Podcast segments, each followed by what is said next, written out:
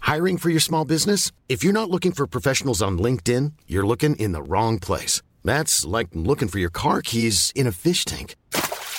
LinkedIn helps you hire professionals you can't find anywhere else, even those who aren't actively searching for a new job but might be open to the perfect role. In a given month, over 70% of LinkedIn users don't even visit other leading job sites. So start looking in the right place. With LinkedIn, you can hire professionals like a professional. Post your free job on linkedin.com/people slash people today. Den här veckan så har vi ett betalt samarbete med Synoptik och deras glasögonabonnemang Synoptik All Inclusive. Ja, det är ett tryggt och bekvämt sätt att ha glasögon där man kan kombinera med eh, solglasögon och linser och där all service ingår som fria glasbyten när din syn förändras, otursskydd om du klantar till det. Ja, vet du vad Måns? He- nu är det Helt sant. Eh, Bara i år har jag satt mig på två par glasögon. Då är det här något för dig. Dessutom får du möjlighet att byta ut ett par varje år. Så kan det ju vara lyxigt att ha solglasögon med styrka. Det har jag köpt i år redan ju! Och till och med såna här eh, med dynamiska glas, har du såna då? Nej. Där glasen blir mörka ute i solen och ljusa när man kommer in. Allt inkluderat i en fast månadskostnad från 90 kronor i månaden. Inga oförutsedda kostnader. Dessutom har de ett erbjudande. Du får alltid 30 på alla glasögon och solglasögon när du tecknar ett Synoptik All Inclusive. Läs mer och boka tid på synoptik.se. Fråga Anders och Måns.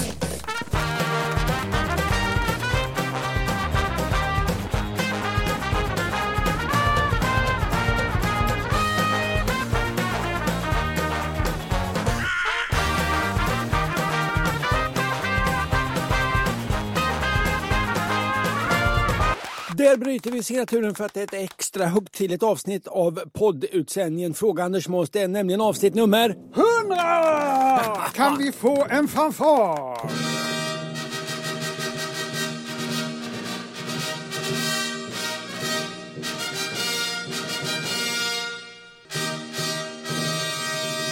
Ankan Johansson, Ja. tusen tack för att du har stått ut med mig i hundra avsnitt. Jag är så glad att vi gör det här tillsammans. Ja, vad- Det är en höjdpunkt i min vecka. Ja, vad roligt att höra. Och jag vill tacka eh, dig som lyssnar, att du står ut med oss.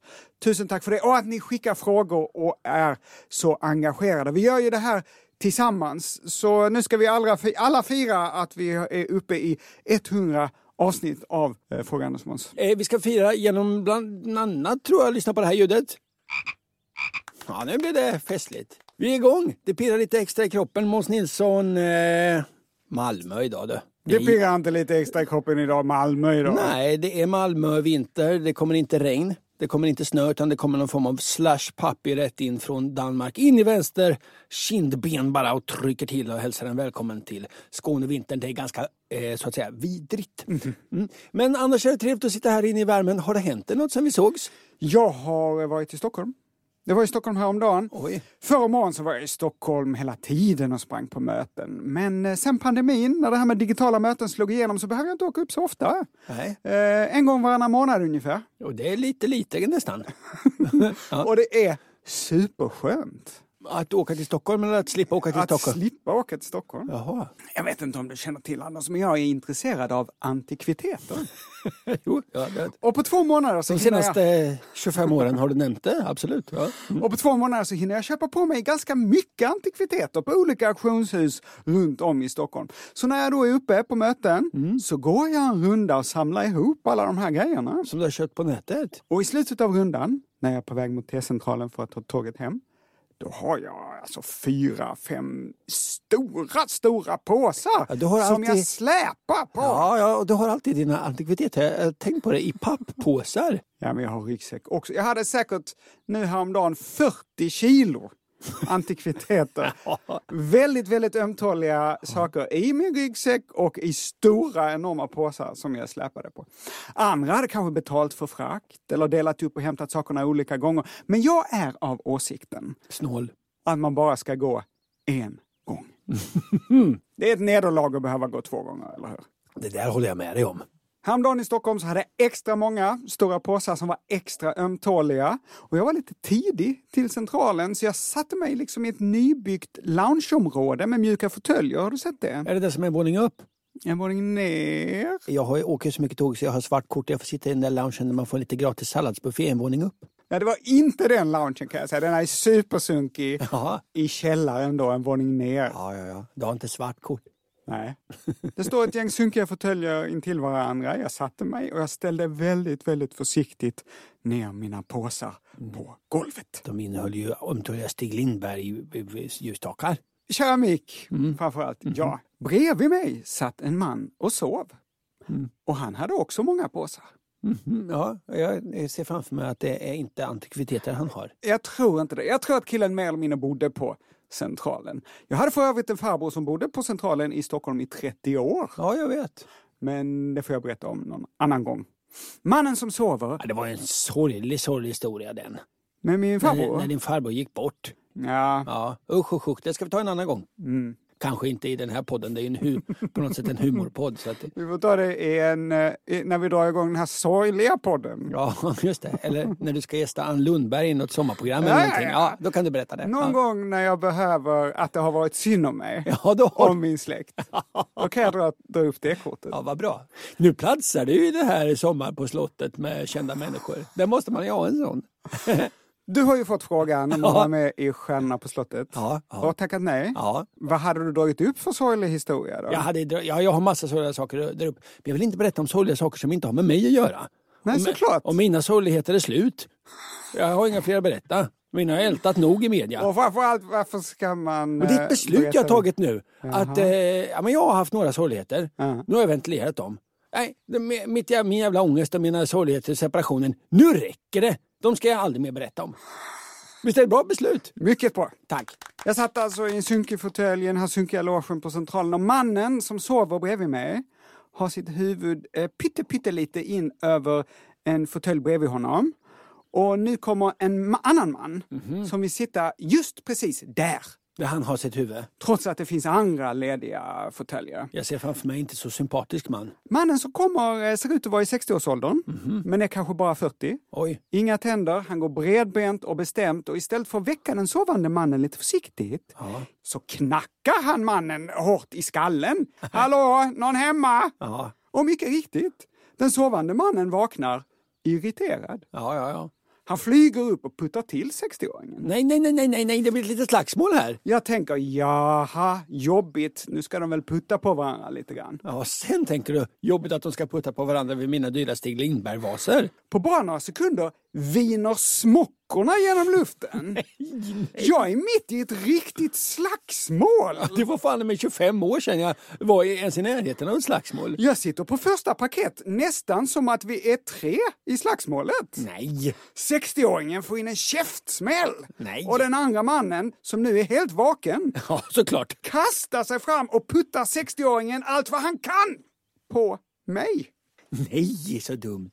och på mina antikviteter. Ja, ännu dummare. Och jag förstår... eh, Du är ju liksom mjuk. Det Ja. kan göra ont på dig men du går inte sönder av ett Nej, putt. Men nej. antikvitet är ju hård. Ja. Bräckligare. ja, så är det på Och du vissa är, sätt. då Mm. är du ändå på många sätt lite bräcklig.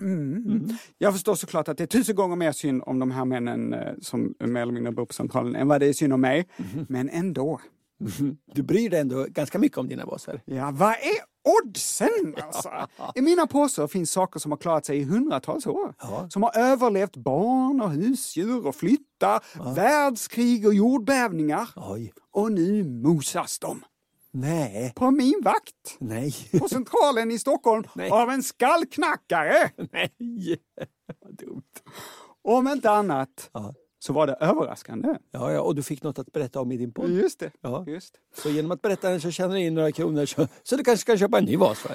Ah, bra plan, Anders. Vad har hänt dig sen sist? Ja, jag har ju haft turnéavslutning. Ja, Ja. Vem var hemlig gäst? bland annat jag. Ja, och det gjorde du med den äran Måns. Jag vill så här även i offentligheten tacka dig för att du kom och ställde upp. Det var Det var en jättetrevligt. ära, jätteroligt. Det var ett bra gig jag hade. Det var mycket folk, det var glad stämning, det gick bra. Men du vet att jag tidigare har berättat om ett katastrofgig jag gjorde i Falsterbo. Ett gig Det skulle uppträda för så kallade kändisar. Patrik Ekwall, Olle Sarri, Robert Prytz, för att nämna några. Ja, det var någon ridvecka Ja, just och eh, ja, det gick åt skogen. Ja. Ja, det visade sig bland annat att mikrofonen och publiken var i ett rum. Högtalarna, ur vilket mitt tal kom, var i ett annat rum. Just det. Efteråt fick jag inte betalt och det gick väldigt, väldigt dåligt. Om man med dåligt menar det sämsta jag någonsin har gjort. Ja, och det säger jag inte lite. Mm, nej, det gör det inte. För tre veckor sedan så gjorde jag ett gig för ett datasäkerhetsföretag. Där misslyckades jag så kapitalt med att få publiken att skratta att jag efteråt hörde av mig och berättade att jag vill inte ha något betalt, det är jag inte värd. Va? Vänta, förlåt, Ja, vänta, ja, vänta. ja. Nu är du Ja. en etablerad komiker i Sverige, en etablerad ståuppare Ja. med hur många gig som helst under bältet. Ja, Och du gick och gjorde ett företagsgig ja. och folk skrattade inte. Du In- bombade som det heter. Jag tokbombade. I Herregud. onsdags underhöll jag i Göteborg. Kan du tänka dig en eh, ganska stor industrilokal? Du vet, där det är väldigt, väldigt högt i tak. Mm. Mycket eko. Ja. Uselt ljud. Om du tänker dig att du sätter liksom en ensam högtalare i mitten av en tom silo. Så lät det ungefär. Aj då. Tre komiker, en konferencier. Ganska mycket folk. Jag skulle uppträda sist. Och som alltid så gick jag ut då för att eh, titta på de komikerna som uppträdde innan mig. Det är bra att höra vad de säger och så. Det var väldigt svårt att höra vad de sa. Det ekade och talet lät eh, som bara en samling ringande vokaler. Au, au, au, au. Nu vill jag att du ser scenen framför dig Måns. Jaha. En ganska hög scen. Nej, detta är också dåligt Ja. så för, för er som lyssnar. Bakom. För då får man ingen riktig kontakt med publiken och tittar de liksom uppåt som om man står på ett berg och Ja. ska skoja. Eh, bakom eh, eh, komikerna ett gigantiskt vitt skynke. Det är också ovanligt, brukar vara svart. Mm. Upplyst. Alltså lampor från golvet riktade liksom rakt upp längs skynket så att skynket står lite tufft ut. Det var ljust, det var enormt, det var stort och det var väldigt, väldigt vitt och ljust. Framför den scenen, på scenen, en komiker. Inget frontljus. Alltså ingen lampa som lös på själva människorna på scenen. Okej, så det blir mer som att, som att- att titta på något skuggspel. Exakt så. Man ser konturerna av komikern men Ja. inte ansiktsuttryck med det mer. Nej, man fick se en pratande siluett. Det var som att se The Cure 1992. Inga ansiktsuttryck. Det var svårt att underhålla en publik som varken såg eller hörde en. Så att nu hoppas jag att ni slipper se mig, men att ni hör mig. Vi ska dra igång med det vi är satta att göra, det vill säga för hundrade gången under namnet Fråga Anders Måns svara på lyssnarfrågor.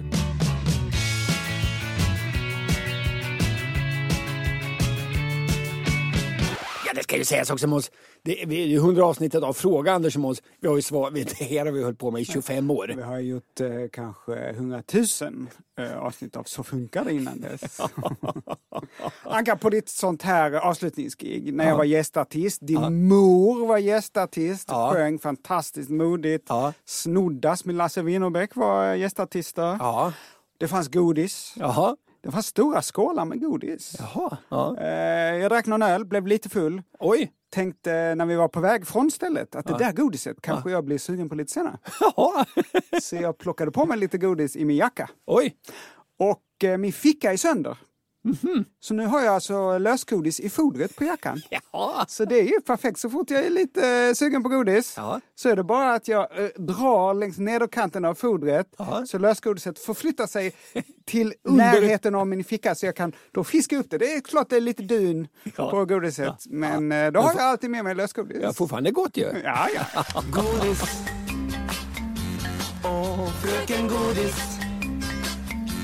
Kärlek du väckt hos mig när jag köpt konfekt hos dig.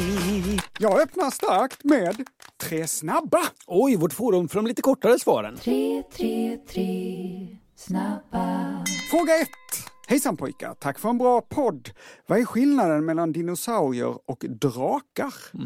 Och varför upplevs en film med dinosaurier som B, men inte en film med drakar? Nämen. Med vänlig hälsning, Dragonpasta, eller möjligtvis Dragon Pasta. Ja, förmodligen. Tack för frågan. Anders, vad är det för skillnad mellan dinosaurier och drakar? Jo, att dinosaurier har funnits och att drakar är en fantasi. Just det, det är som Mm. skillnaden mellan noshörningar och enhörningar. Eller skillnaden mellan en spindel och Spindelmannen. Mm. Men om man bortser från den detaljen då? Vad är skillnaden Mm-hmm. Det är mellan... eh, en svår detalj att bortse ifrån. Ja, men om man ändå Ja, bortser. men skillnaden, om, om något som är en fantasi. Mhm. Ja, då kan jag säga, men dinosaurier hade, hade långa halsar och åt eh, insekter. Det kan man forska och kommit fram till. Och då kan man, I min fantasi så åt eh, drakar också eh, insekter och hade långa halsar. Ja, men det är drakar ändå någon mytologisk varelse. Det finns regler i Drakar och Demoner. Kan nog inte drakar göra vad som helst. Ja, säg det. Ja. Drakar kan spruta eld. Har du sett någon dinosaurie som sprutar eld? Nej. Eller har du läst forskning? Så det är väl en skillnad. Finns det något endaste djur som i verkligheten har kunnat spruta eld? Skriv till fraga snabel-a andersochmans.se. E. Jag tror inte det. Det tror inte jag heller. Så det är en skillnad. Men det är ju inte Drak- osannolikt. Med Jo. ett djur. Nu, nej, för, därför att människa och många andra djur eh, eh, producerar metan. Eh, det kommer ut Mm. Med bak stjärten framförallt, ja. ja. ja, ja. Något Men djur det- som har sprutat eld med stjärten. ja.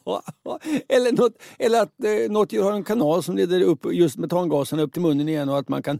Det finns någon slags Men det är någon- tändningssystem. men den Gnistan där, vad Ja. skulle det vara? Ja, men att skulle det man- vara någon nagel som, som Ja, eller drar att- mot någon annan eller att nagel? Man har torra tänder som går ihop på något sätt. Så att de kan få en gnista Ja, genom du att slå berättade ju ihop bara för någon tänderna. vecka sedan att bävrar har järn i tänderna. Gnisslar de mot varandra? Det är inte omöjligt att få en liten gnista där. Dragonpastas andra fråga var varför filmer om dinosaurier känns B, men inte filmer om drakar. Och jag är beredd att hålla med Dragonpasta. Det finns ju bara en enda film med dinosaurier som inte är B. Och det är ju Landet för länge sedan. Lilla fina Lillefot. Kommer du ihåg vägen till den stora dalen? Jag tror det. Men varför måste jag kunna det? Du ska ju vara med mig. Ja, den är ju, man tror att man sätter på en tecknad film till barnen och så är den supersorglig och cool. Medan det tvärtom då inte finns en enda film om drakar som är B. Nå, den här, Eh, Och den, Mm. anledningen till detta är att drakar är coola medan dinosaurier är mesiga. Fråga två! Hej Anki och Monki, vad händer om man ringer 112 i USA? Oj. Eller 911 i Sverige? Ja. Kommer man fram till rätt instans eller var hamnar man? Har funderat på detta men det känns ju dumt att testa bara för man är nyfiken. 90 000 då, är det helt ute nu? Det- Jag återkommer till 90 000. Först lite om 112. Det är nödnumret i hela EU, men det är också det vanligaste nödnumret i hela världen. Sverige gick med i EU 1995 och året efter så gick vi över från just 90 000 till 112. Jag tycker fortfarande det är svårt att komma ihåg. Va? 112, när jag skulle hjälpa en döende dansk häromåret Oj. så blev jag så stressad att jag kom inte på det. Nej. Stod med min telefon, eh, sekunderna tickade, jag började beslå 90 000 och f- sen lägga på, börja om från början. Det finns en minnesramsa. Kan du den Anders? Ja, det var väl en som är hipp hipp. Vadå? Ja, han, han, pekar på, han pekar på munnen, näsan, ögonen. Jaha. Ett, ett, två. Ah, skitbra ju! Ja, jättebra. 112 är lätt att slå. Det är det som barnen lär sig. 112 är lätt att slå. Lägg den på minnet. Den här ramsan ska du inte lägga på minnet. 113 är ännu lättare. Nej, glöm den. 115 när det är fara för liv och lem. Ja, nej, glöm den också. Det är ju direkt felaktigt. Ja, man var någon helt annanstans. Men hur är det? Om man slår gamla 90 000, kopplas man då till 112? Det var så länge i alla fall, men om det är så fortfarande, det har jag ingen aning om. Igår googlade jag detta och första träffen var en fem år gammal tråd på Reddit. Översta svaret hade signaturen CodeWig skrivit och så här står det. Anders och Måns testade detta i Så funkar det hyfsat nyligen. Och de kopplades automatiskt till 112. Ja, alltså, eh, Codewig eh, skrev detta för eh, ett antal år sedan. Fem år sedan. Och refererade till ett- till ett program vi förmodligen gjort för 15 år sedan, så att det är inte en aktuell fakta. Nej, svaret är eh, nja och min källa är Anders och Måns. Men Mats fråga var ju, kopplas man till 112 om man slår 911? Alltså numret man ser på film, som är nödnummer i USA och Kanada. Det hade varit rimligt om det är en amerikan här som inte kan våra regler. Exakt. Eh, det, eh, 911 finns också i några länder i Sydamerika, Oceanien och Asien. Och så här säger Sofie Abrahamsson vid SOS Alarms pressjour. Jag är nästan säker på att det skulle funka. Det är faktiskt upp till telefonoperatörerna att slussa vidare larmsamtalet till 112 om man istället slår 911. Men generellt har vi sett att det fungerar. Mhm, Så att det är själva liksom, mobilföretagen som bestämmer om, om, om den kopplingen ska finnas eller inte. Anders, vet du fler nödnummer i världen? Förutom Eh, SOS. 112. SOS. Två långa, t- eh, två långa, två korta, två långa. SOS, det är ju ett bokstav, det är ju inte ett nummer. Nej, men i morse blir det ju... I morse? Ja. 999. 999 verkar vara det tredje vanligaste nödnumret i världen. I Australien är numret 000 Mhm. och i Japan 110.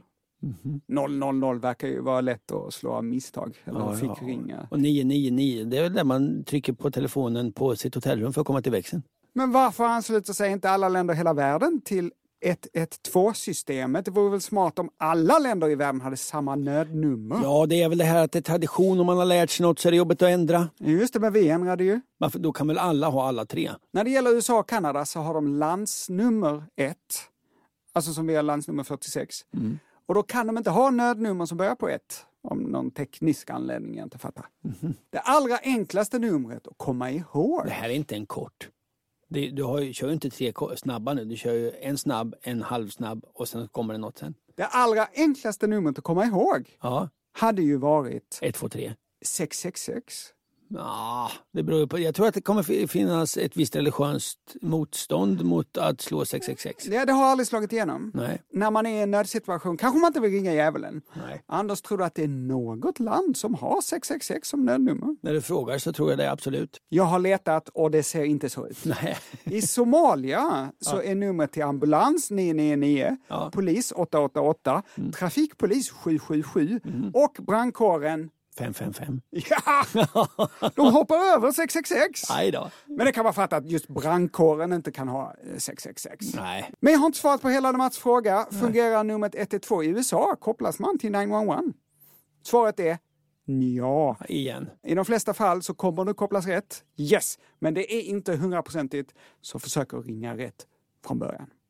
Fråga tre. Oj. Hej Carl Gustav och Monkeboy! Det händer att jag måste stänga in min katt i ett annat rum när jag lagar någon mat som hon gärna vill hoppa upp på köksbänken och sno. Ja. Då undrar jag om jag borde lämna lampan tänd eller släckt i rummet som katten är i. Oj. Katter ser ju bättre än oss människor i mörker. Men ser de själva bättre i mörker än i ljus? Nej, det Mm. kan Min han väl fråga inte. är alltså, vad föredrar min katt? Tänt eller släckt? Kastrull, Mattias. Tack för Mm-hmm. Det frågan. är roligt, det är två referenser till eh, föreställningar vi har gjort. Eh, Kastrull eh, håller jag med om. Ja, och Carl Gustav hette jag. Det är f- sen jag skrev till Kamratposten. Råkar jag heta Carl Gustav Lindstedt. Ja. Detta är ett riktigt fan, Mattias. Ankan, du har ju haft katt. ja. Vad tror du, föredrar de, föredrar de tänt eller släckt? ja, jag tror att de eh, föredrar det som just då råder utomhus. Att de har dygnsrytm och att, eh, att den ska man inte hålla på och rucka på. Katter är ju vanedjur. Jag har läst på miljoner Mm. forum.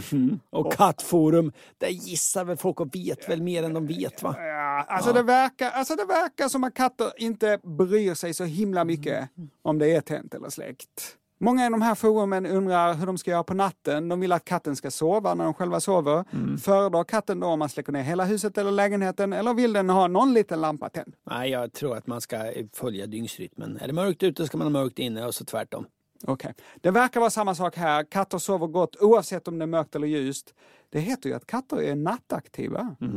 Men det är lite felvisande på ett sätt. De jagar mest i gryning och skymning. Så katter har inga problem att sova på natten. Nej. Även vilda katter sover en stund mitt på natten. Jaha. Det låter ju inte så när man säger nattaktiv. Aktiv låter ju inte som man sover, Nej. eller hur? Nej, men du är ju dagaktiv och du sover ibland en stund mitt på dagen. Jag har åkt bil med dig tusentals gånger. Du sover gärna som dagaktiv en en stund mitt på dagen, så det är väl inget konstigt. Nej, du har rätt. Vissa i forumen skriver att om deras katt får välja så går den och sover i ett mörkt rum. Nah. Men det kan ju finnas andra anledningar. Det rummet kan ju vara varmare, filten mjukare och så vidare. och så Ja, vidare. ja. Mhm. Något man dock kan tänka på är att även om katter ser mycket, mycket bättre än oss i mörker så ser de ingenting i komplett mörker. Nej, det, är väl ing... det, finns ju... det finns ju inget ljus. Nej, exakt. Så lämna inte en katt i en garderob eller källare där det finns noll ljus. Nej, den har ju inte liksom infraröd syn. Nej, Nej. Så, så är det. Så det är något att tänka på i alla fall. Det här var Tre snabba.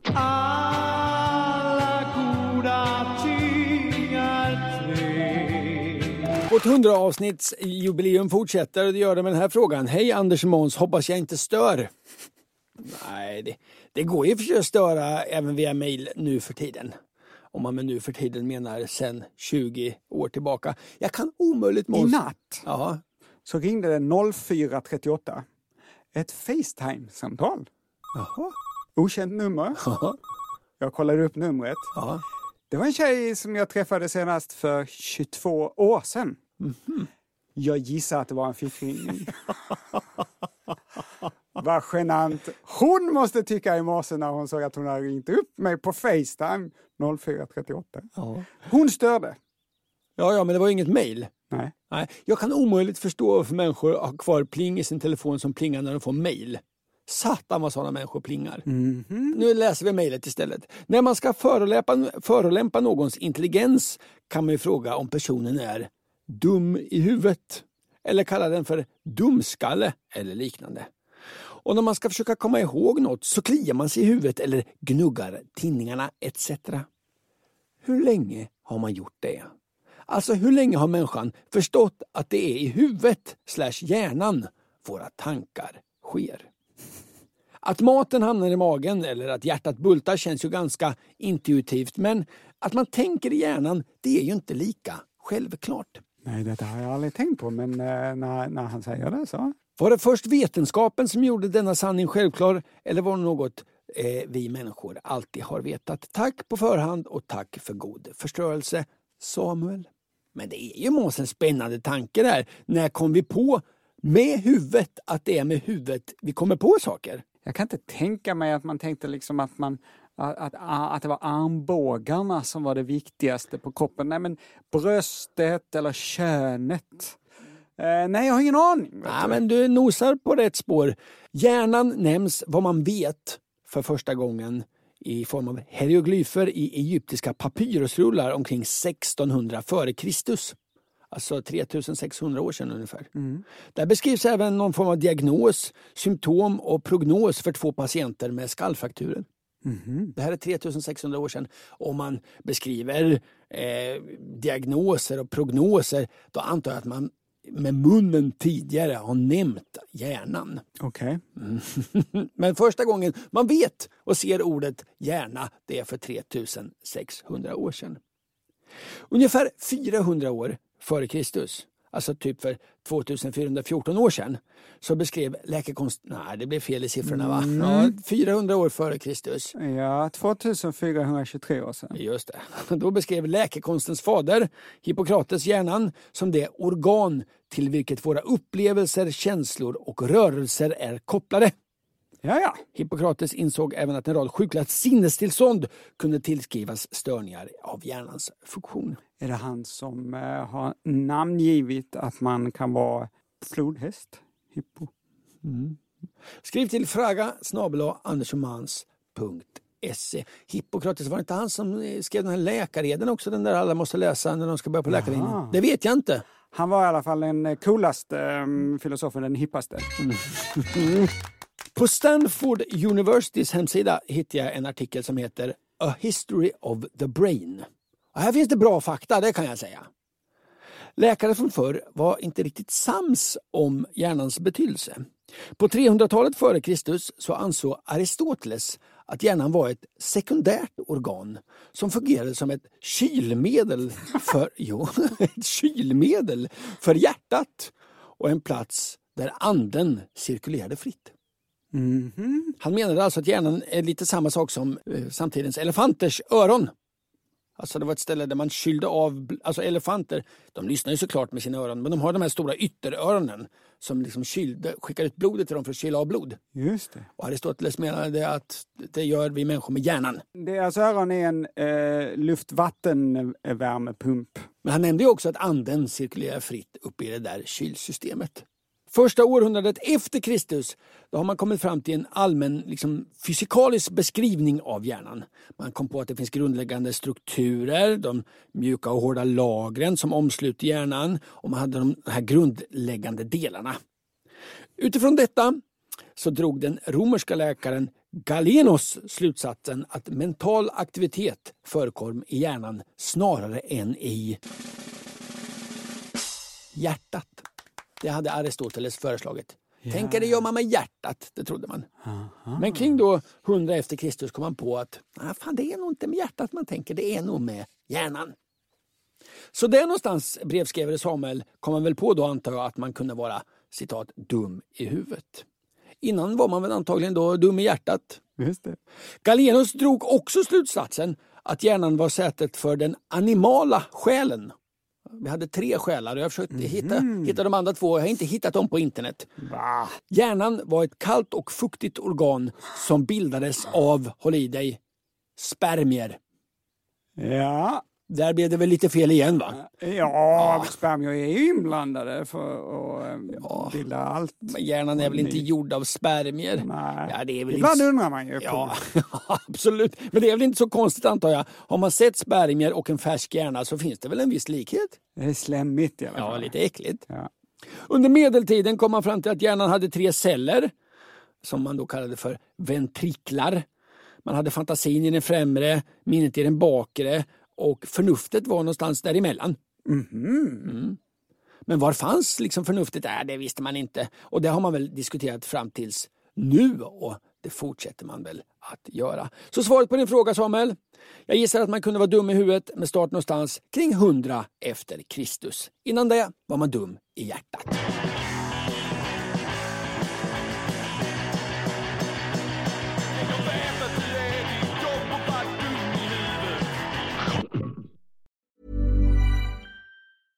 Hey, I'm Ryan Reynolds. At Mint Mobile, we like to do the opposite of what Big Wireless does. They charge you a lot, we charge you a little. So naturally, when they announced they'd be raising their prices due to inflation, we decided to deflate our prices due to not hating you.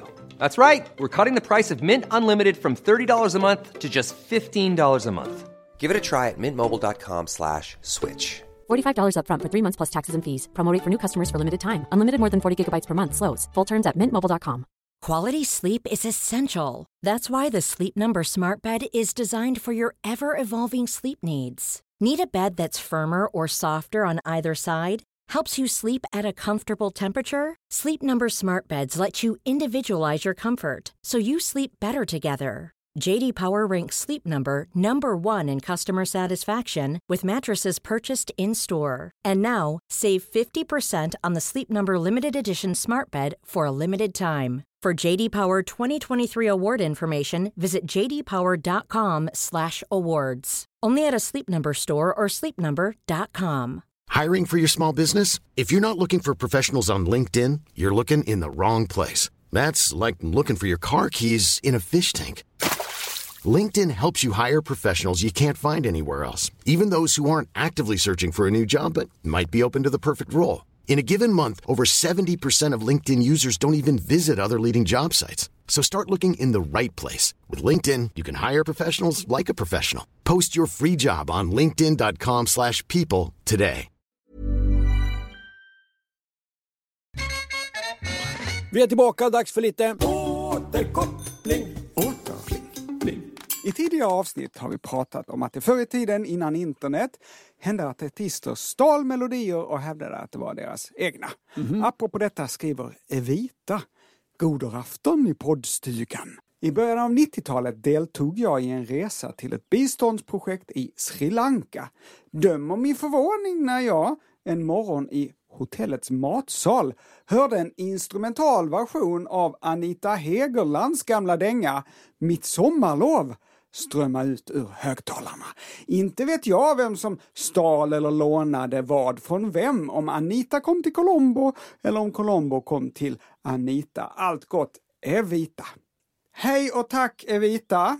Men i det här fallet som du beskriver så är det inte en stulen melodi. Det är inte så att nioåriga Anita Hegeland skrev den här låten, Nej, utan det är en cover alltså? av en låt som skrevs redan 1862 Va? av mexikanen Narciso Sardel Sevilla.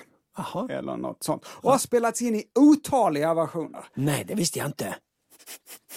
Så spännande är den. Jo, det tycker jag, för det, jag trodde att det var en sån där ursvensk låt det där. Den Mitt sommarlov. är ju så rolig. Den är ju liksom så, man sätter ett barn som sjunger om sommarlov och glass. Det blir liksom för bra.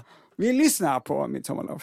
Mitt sommarlov var jätteskönt Mitt sommarlov ska bli med bad och sol och jordgubbar och glass Och så lyssnar vi på en instrumentalversion.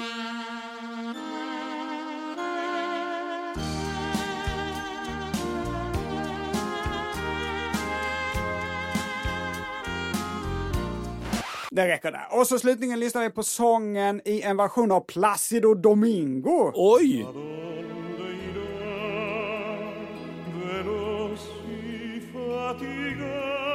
Ja, här sjunger alltså Placido Domingo om sitt sommarlov. Hur mycket han ser fram emot sommarlovet och glass. Nej, nej, jag önskar att det var så. Men i originalversionen heter sången La Golondrina. Som betyder svalan. Mhm. Så det här var alltså inte en stulen melodi, utan en cover. Så här skriver Jonathan. Hej Anders och Måns, tack för en genombra podd. Men jag tror vi behöver få lite mer ordning och mindre gissningar det är roligt. kring det här med vad som Saker egentligen är en som- låtstöld. Jag tycker det är roligt så här. Alltid när vi har pratat om ett ämne, om någon som verkligen kan ämnet, så skriver de tack för att jag lär mig så mycket. Men när det kommer till mitt ämne så har ni ganska ofta lite fel. Ja, och Ja. det tackar vi för att ni skriver in. Jonathan fortsätter. Upphovsrätt delas upp i två olika delar. Text och musik. Båda värda 50 var av en sång eller komposition. Mhm, Så jag skriver en låt, Ja. eh, då är texten värd hälften av pengarna och musiken hälften av pengarna. Ja, och Jonathan skriver här, med musik räknas inte ackord utan sångmelodi. Jaha! Jonathan fortsätter, för att göra en egen inspelning än någon annans låt behöver man söka tillstånd från upphovsrättshavaren. Om du inte ändrar något i sången så är det vanligtvis inga problem att få tillstånd. Men du kan också söka ett speciellt tillstånd om du vill översätta en låt till ett annat språk. Om vi tar exemplet med Cornelis och brev från kolonin så får alltså fortfarande den som skrivit originalmusiken 50 av intäkterna, medan den nya textförfattaren Cornelis får resten, alltså STIM-pengarna för textdelen. Det här innebär alltså att en låt kan finnas världen över i en uppsjö översättningar och tonsättaren till originalmusiken kommer tjäna pengar varje gång någon av dessa lokala varianter spelas i till exempel radio. Hänger du med Anders? Absolut! Jonathan fortsätter. Upphovsrätten gäller sedan i 75 år från att den sista upphovspersonen dör. När det gäller till exempel Beatles låtar, där nästan alla är skrivna av duon Lennon-McCartney, så har dessa 75 år inte börjat ticka ner än nu, eftersom den ena upphovsmannen fortfarande lever. Så än så länge så tjänar alltså både Paul McCartney och John Lennons arvingar stimpengar varje gång låtarna spelas i radiostreamers och så vidare. Jag tycker vi eh, förminskar George Harrison här. Eh, Han gjorde många bra låtar. Så här, ja, men eh, nämn fem. While my guitar gently weeps. Ja, är, bra det, är det låt. han som ska? Ja, det tror jag. Ja, ja, ja. Jag får ofta det där klippet när Prince spelar solo i någon liveversion. av det. Fy fan vilken gitarrist Prince var. Ja, och vad jag har sett det klippet många gånger. Och så dyker det upp i mina flöden igen och tänkte jag, "Nej, det här har jag sett och så tittar jag ändå.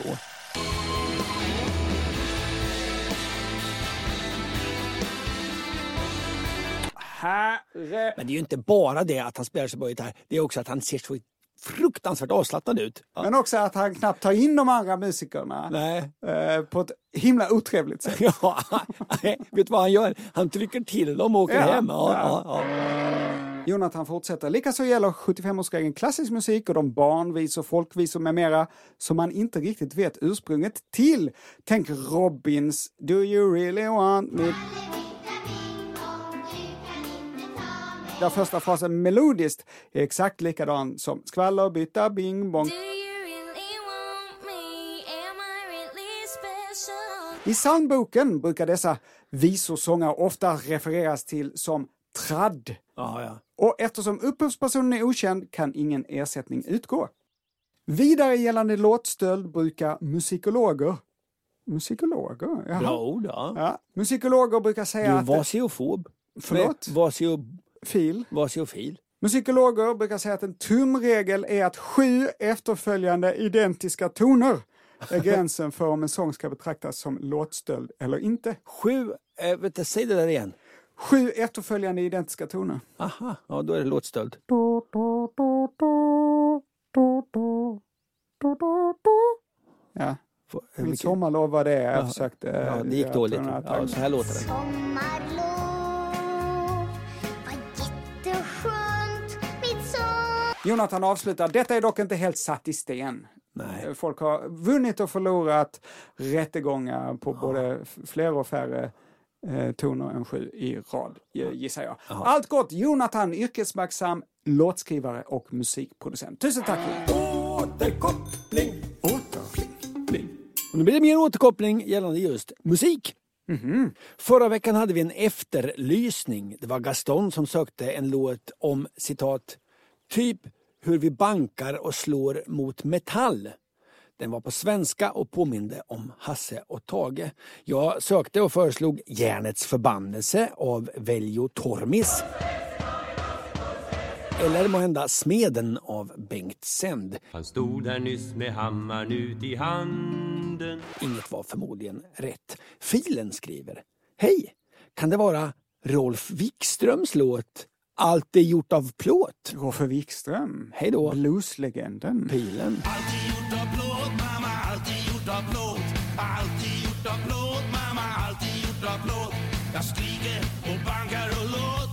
Ja, na. Framförallt min tvekan, eh, dels angående texten men också låter det verkligen som Hasse och Tage?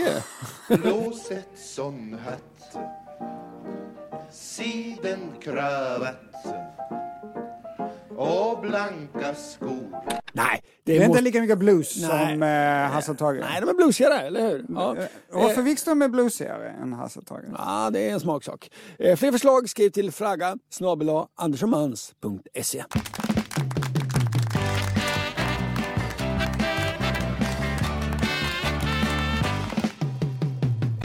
Det är dags för en ny fråga. Den kommer från Robert. Hej! Att Rhodos är det vanligaste namnet på en pizzeria vet ju alla. Rhodos, det är väl inte vanligast? Men vad är vanligaste namnet på ett konditori? Kan man få en topp fem?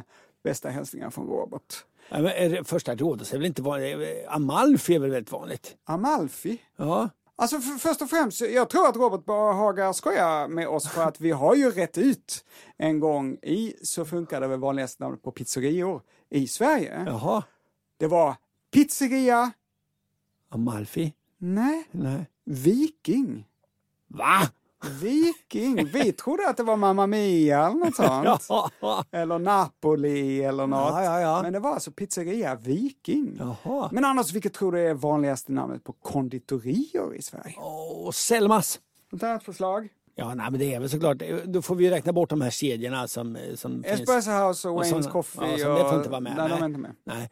Eh, I Malmö har vi några klassiska konditorier. Konditori Hollandia, Ja. Ambrosia, Sofia, Valhall. I Uppsala har vi Günterska, Hovkonditoriet. Det är nog inte vanligaste namnet i Sverige. nej. I Vara har vi konditori Nordpolen. Jaha. I Helsingborg Falmans. I Sundsvall Pallas Jaha. konditori. I Stockholm Vetekatten. Siesta? Kan det vara det som är det vanligaste? Siesta, det tror jag absolut inte. Nej. Det fanns ju i Malmö. Men Och det i var ju... Linköping också. Jaha. Ja, två poäng till siesta. Är någon av dessa namn vanliga? Linds!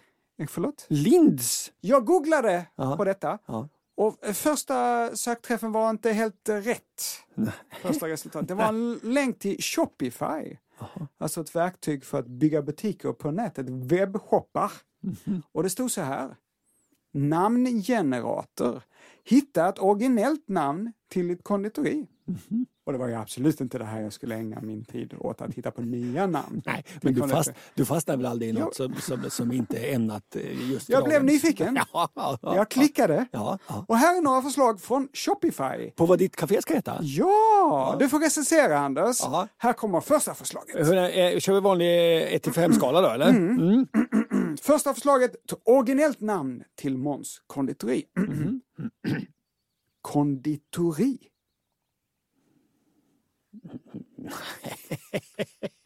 Ja, ja, det är det sämsta jag... Det, det är klart att det är bra att det ska, fra- det ska framgå att det är ett konditori, absolut. Ja. Men det får ju heta konditori Måns eller någonting. Nej, ett poäng. Här är fler förslag. Ja. Klicka konditori. Nej, ett också. Ivrig konditori. Ja, det är väl sli, lite, lite bättre, men det, det är väl inte det man vill vara när man fikar. Ivrig. Konditori kontrollanten. Nej, nej, det får med. Det är bäst inte ens tre. Bad boy konditori. Kanon! Hade du velat köpa din frökuse på Bad boy konditori? Fem! Fem! Shit! Jag fortsätter med förslag från Shopify. Vävtapet konditori. Ja, fem! Fem! Groovy konditori. Åh, vad dåligt. Ett. VVS konditori. Ja, jag har också fem. Vårberga konditori. Ja, det är jättebra om det ligger i Vårberga såklart. Annars inte. Och så avslutningsvis här, resningskonditori. ah, det är inte superbra namn, det är det inte. Nej, nej resning sen är nog faktiskt det överlägset sämsta. Men en sak måste man ge Shopify. Namnen är ju originella. Jag tror inte någon av de här finns. Jag sökte på hitta.se över Sveriges vanligaste konditorinamn, fick inte upp någon lista. Nej. Supersvårt var det. Då tänkte jag, det här är ju statistik. Det här borde AI kunna hjälpa mig med. Så jag frågade ChatGPT vad som är det vanligaste namnet på konditori i Sverige och så den svarade så här, citat. Vanligtvis ser man namn som återspeglar det söta och bakade innehållet. Eller som innehåller ord som konditori, bageri eller referenser till traditionell bakning. Exempel på namn kan vara Söta drömmar konditori, Goda tårtor och bakverk eller Smörigt bageri. Hur många gånger har du s- stött på den här eh, konditorihandlaren som heter Smörigt bageri? Nej, men det är nära nu. Med tanke på hur mycket dina röster, din och min röst finns och hur bra svar AI snart kan leverera, att eh, det gör det här programmet helt utan oss. Jo, så det, jag tror som du och ni som lyssnar, i och med att det finns tusentals timmar av våra röster ute så kan man träna AI på våra röster. Så om det är någon som ringer er på fyllan eh, så är det nog AI. Eller om ni hör oss säga något superdumt någon gång så kan det vara en AI. Förmodligen.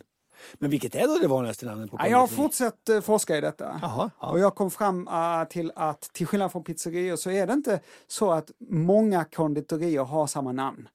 Det är mer varierat. Men jag kan ha fel! Så nu går vi ut med en efterlysning. Skicka till oss vad ditt lokala konditori heter så ska jag sammanställa namn och stad i ämnesfältet. Och så skicka då till fragga andersochmans.se. Anna sitter och ritar på konditori Ute på gatan rusar en brandbil förbi Bonusfakta från SCB, Anders. Vilket landskap har flest respektive färst bagare och konditorer, kondi, konditorer per 100 000 invånare? Ja, Gö- Göteborg, Jönköping Ja, säger han. Absolut. Jämtland. Färst. Ja. Eh, Värmland. Värmland, ja. Grums, eh, och Kil och Säffle, inga Inte en konditori- Eh, enda konditor. I Säffle finns ju ett extremt bra konditori. Det är Holgers i Säffle. Det var uppe häromdagen, de som eh, inte är, längre är, men var kungliga hol- hovleverantörer. Och här kommer äh, webbadressen. Fraga snabbla Anders och Mans. Punkt E. SE.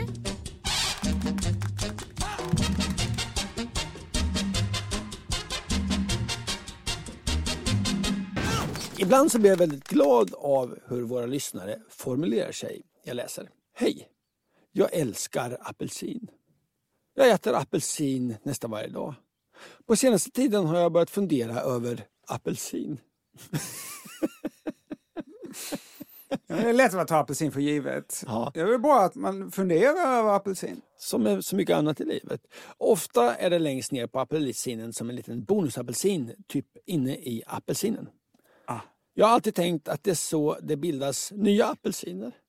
Att den nya apelsinen bildas där nere och sen växer upp en ny frukt och att det därför bildas som en apelsinkedja.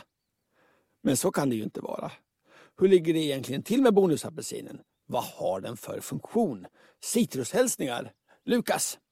Ja, det här känner vi alla till, att man ibland får en liten apelsin i sin apelsin. Måns, vad är det för en apelsin? Ja, men som eh, siamesiska tvillingar, eller ibland kan man ju eh, läsa i någon kvällstidning om en kvinna som opererar ut någon hårboll eh, från eh, liksom ljumsken som var eh, stor som en tennisboll och då var det nå- något syskon som har eh, legat där och inte riktigt blivit färdig Ibland kan man läsa. någon gång. Fanns ofta i den här tidningen En ding ding värld. Precis. Ett ofullständigt syskon till originalapelsinen. Nej. Jag läser faktiskt på Världsnaturfondens hemsida. Nej, det är inte fel på apelsiner som ser ut att ha en liten extra apelsin inne i apelsinen. Det är en navelapelsin. Ja. Är det då själva den lilla apelsinen i apelsinen som är navelapelsinen? Eh, ja. Nej! Är det den stora originalappelsinen som är navelapelsinen? Ja. Vänta, vänta! Ja. Så att den lilla rackaren är den första apelsinen? Nej. Hela apelsinen är en navelapelsin. Jaha! Ska jag reda ut det här? Så här skriver Illustrerad Vetenskap. Trots det märkvärdiga utseendet är det dock inget tecken på en sjukdom eller mänsklig påverkan. Apelsiner kan nämligen indelas i tre stora grupper. Kan du våra tre apelsingrupper Måns? Nej. Nej. Annars är det ofta fyra av saker. Ja. Vi har fyra kvartal, fyra sädeslag, fyra simset. Du kan våra fyra simset Måns? Eh, krål och bröstsim och ryggsim och fjärilsim. Precis, men våra apelsiner då, våra tre? Sorterna i den första gruppen har normala frukter. Det är alltså vanlig apelsin. Okej. Grupp två, blodapelsin. Och slutligen grupp tre, navelapelsiner. Mm. Nej! Jo, jo. Wow! Som just då kännetecknas av att det sitter en liten extra apelsin i toppen. Alltid! Ja, den här lilla tvillingapelsinen det bildas på grund av den här navelapelsinens blomma då, som är försedd med en extra krans av små fruktblad. Och det är de delarna av blomman då som bildar det här anlaget till liksom den här färdiga lilla extrafrukten. Extrafrukter kallas ibland då för bifrukter och det förekommer hos andra växter, bland annat hos lök. Och varför bildas då dessa? Och det är som så ofta för att naturen är ganska smart. Man tänker ju inte på apelsiner och lökar som smarta Ja, men eh, apelsiner är ju klyftiga. Håll i dig nu. Förmodligen så producerar de här växterna, de här små bifrukterna, som en slags extra investering. För om det finns då ett överskott på näring, att göra då den här befintliga frukten ännu större, alltså apelsinen, eh, det blir slöseri med energi. Det blir bara mer fruktkött, men inte fler frön. Då lönar det sig bättre att bilda en liten extra frukt och därmed också nya frön. Wow! En bifrukt.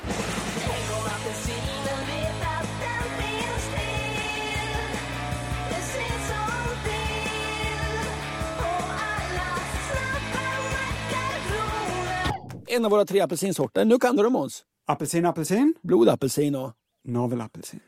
Det var det sista ordet ut i podden Fråga Anders och Måns 100 års, eh, hu- nej, 100 avsnittsjubileum navelapelsin. Och med det ordet säger vi tack och hej. Vi hörs för vårt 101 avsnitt redan nästa vecka, för då är det nästa vecka. Tills dess, ha det så bra. Puss och kram! Hej då!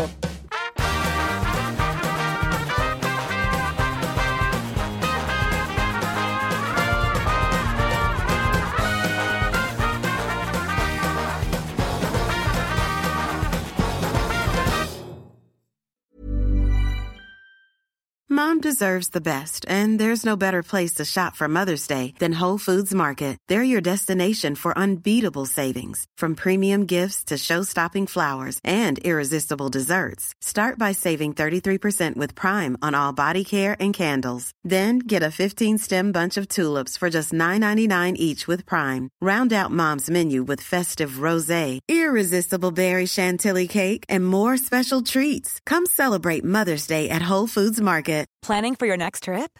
Elevate your travel style with Quince. Quince has all the jet setting essentials you'll want for your next getaway, like European linen, premium luggage options, buttery soft Italian leather bags, and so much more.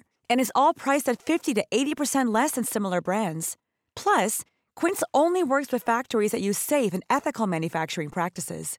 Pack your bags with high-quality essentials you'll be wearing for vacations to come with Quince. Go to quince.com slash pack for free shipping and 365-day returns. Mom deserves the best, and there's no better place to shop for Mother's Day than Whole Foods Market. They're your destination for unbeatable savings, from premium gifts to show-stopping flowers and irresistible desserts. Start by saving 33% with Prime on all body care and candles. Then get a 15-stem bunch of tulips for just $9.99 each with Prime. Round out Mom's menu with festive rosé, irresistible berry chantilly cake, and more special treats. Come celebrate Mother's Day at Whole Foods Market.